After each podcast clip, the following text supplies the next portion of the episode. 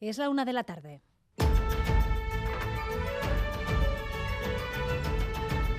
Crónica de Euskadi con María Cereceda.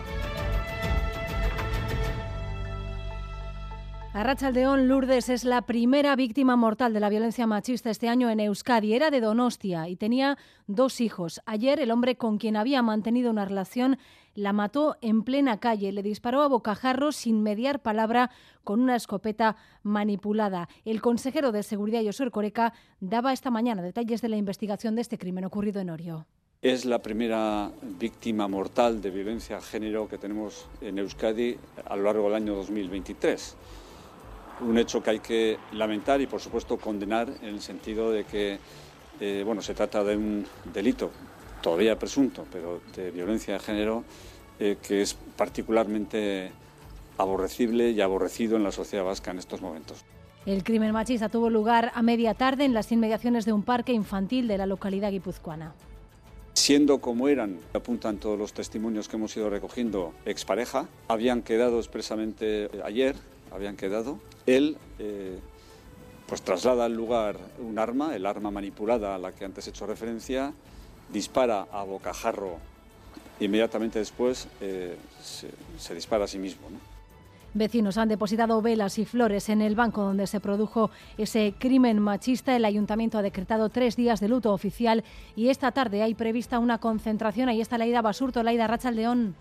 A León, concentración convocada por el Movimiento Feminista de Orio a las 7 de la tarde en la Enrico Plaza, a la que se suma la Corporación Municipal de Orio, que en una declaración institucional ha mostrado el dolor de todo el pueblo y el apoyo del consistorio a ambas familias. La alcaldesa, en nombre de todos los grupos, eh, ha pedido respeto en el uso de las imágenes que están circulando por las redes sociales. Anuska Esnal, alcaldesa. El ayuntamiento quiere también hacer un llamamiento al respeto. El uso de las imágenes que se han difundido en las últimas horas a través de las redes sociales ha sido enormemente inadecuado y hay que subrayar la importancia que tiene actuar con responsabilidad, especialmente en estos casos. Es el momento de poner en valor nuestros valores cívicos.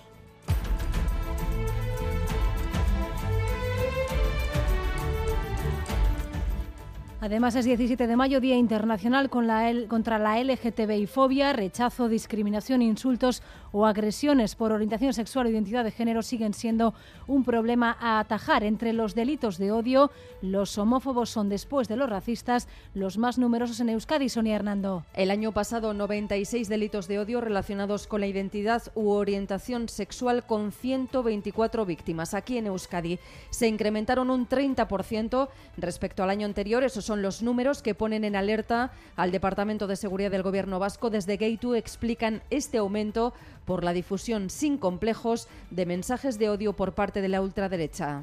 La Ertzaintza investiga precisamente una agresión en Villabón a la madrugada del domingo, aunque en un primer atestado se registró como una pelea. Las víctimas, una pareja gay, ha denunciado haber sido golpeada e insultada por su condición sexual. Todos los implicados en el incidente están identificados. Y conocemos ya los servicios mínimos para los próximos dos días de huelga convocados en Osakidecha esta semana. Comienzan esta noche. Atentos si tienen una cita entre mañana y el viernes. Rodrigo Manero, Arrachaldeón. Sí, Arrachaldeón, los hospitales deberán tener al menos el personal habitual de un día festivo y las urgencias, la cocina y los tratamientos oncológicos o indemorables están asegurados. Los centros de salud, por su parte, funcionarán como mínimo como un sábado y los PACs al completo. Servicios mínimos para una convocatoria de huelga que arranca esta noche a las 10 y que durará hasta el viernes.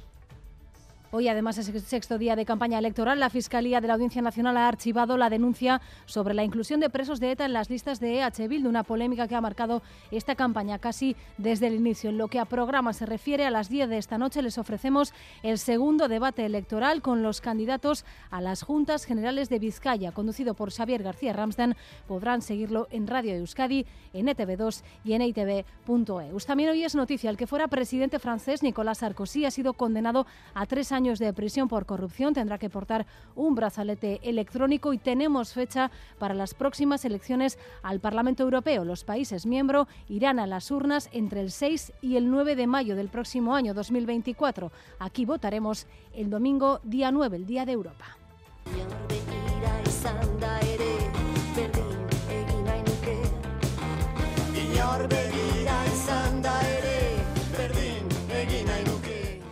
Música Bulegua entregó ayer sus premios anuales. Estos premios de Música Bulegua reconocen los proyectos más interesantes dentro de la música vasca del último año. Son 10 premios en total. Kepa Junquera recibía el galardón honorífico y Oreca TX el premio especial a la internacionalización de la música vasca. Además, recogían su premio en la Lecuona Fábrica de Rentería Elena Setién, Miren Narvaiza, Neomac, Enrique Solinis, Teresa Catalán, Sutagar, Merina Gris e Inés Osinaga. Estos últimos han pasado esta mañana por Boulevard de Radio Euskadi nuestro primer premio, pero ya como persona física también, ¿eh? no como grupo. Entonces eh, nos hizo ilusión, la verdad. Además es un premio contundente, entonces es muy satisfactorio también un reconocimiento a todo este curro. Viene como en un momento que, que llevo 25 años en la música, o sea que se dice fácil, que empecé siendo una, una nescachagasta y ayer un poco reivindicaba como el, el derecho de ser una señora música.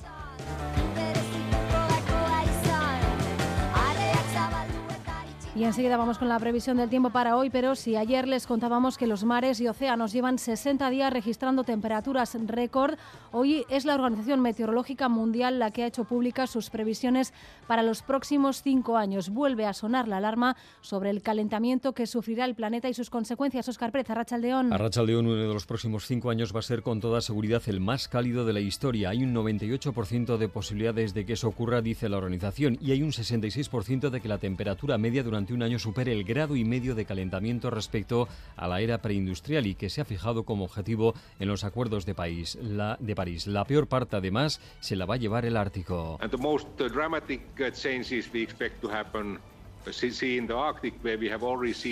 Uh, la situación más dramática se vivirá en el Ártico, donde la previsión es que la temperatura aumente más del triple que en el resto del planeta, ha advertido el secretario general de la Organización Meteorológica Mundial. Ese calentamiento y el consiguiente aumento de los fenómenos extremos tendrá consecuencias en la salud y la economía de la humanidad. Ahora además vamos con la previsión del tiempo aquí. A esta hora cielos con alternancia de nubes y claros en la mayoría de los puntos del país, pero atención de cara a esta tarde porque la nubosidad va a volver a ir en aumento, sobre todo en la vertiente cantábrica y no se descarta que vuelva a llover en Navarra. La nubosidad será menos compacta, las temperaturas en general van hoy en ligero ascenso. A esta hora tenemos 18 grados en Bilbao, 17 en Donostia y en Bayona, 14 grados en Iruña y 13 en Vitoria-Gasteiz. Titulares también del deporte, Álvaro Fernández Cadierno, Arrachaldeón. Arrachaldeón con Igor Zubeldia, En la Real Sociedad, el de Azcoitia, magnífico esta campaña, firma hasta el 29. En el Atlético Dani García se ha mostrado convencido de poder clasificarse para Europa. Tenemos también semifinales de la Champions, City Madrid con empate 1 en la ida, elección de material para el Dalío El Ordi del domingo y en ciclismo undécima etapa marcada por ocho abandonos debido al COVID. Raúl González y José Ignacio Revuelta están en la dirección técnica, y no hay Iglesia en la coordinación. Una y ocho minutos de la tarde comenzamos.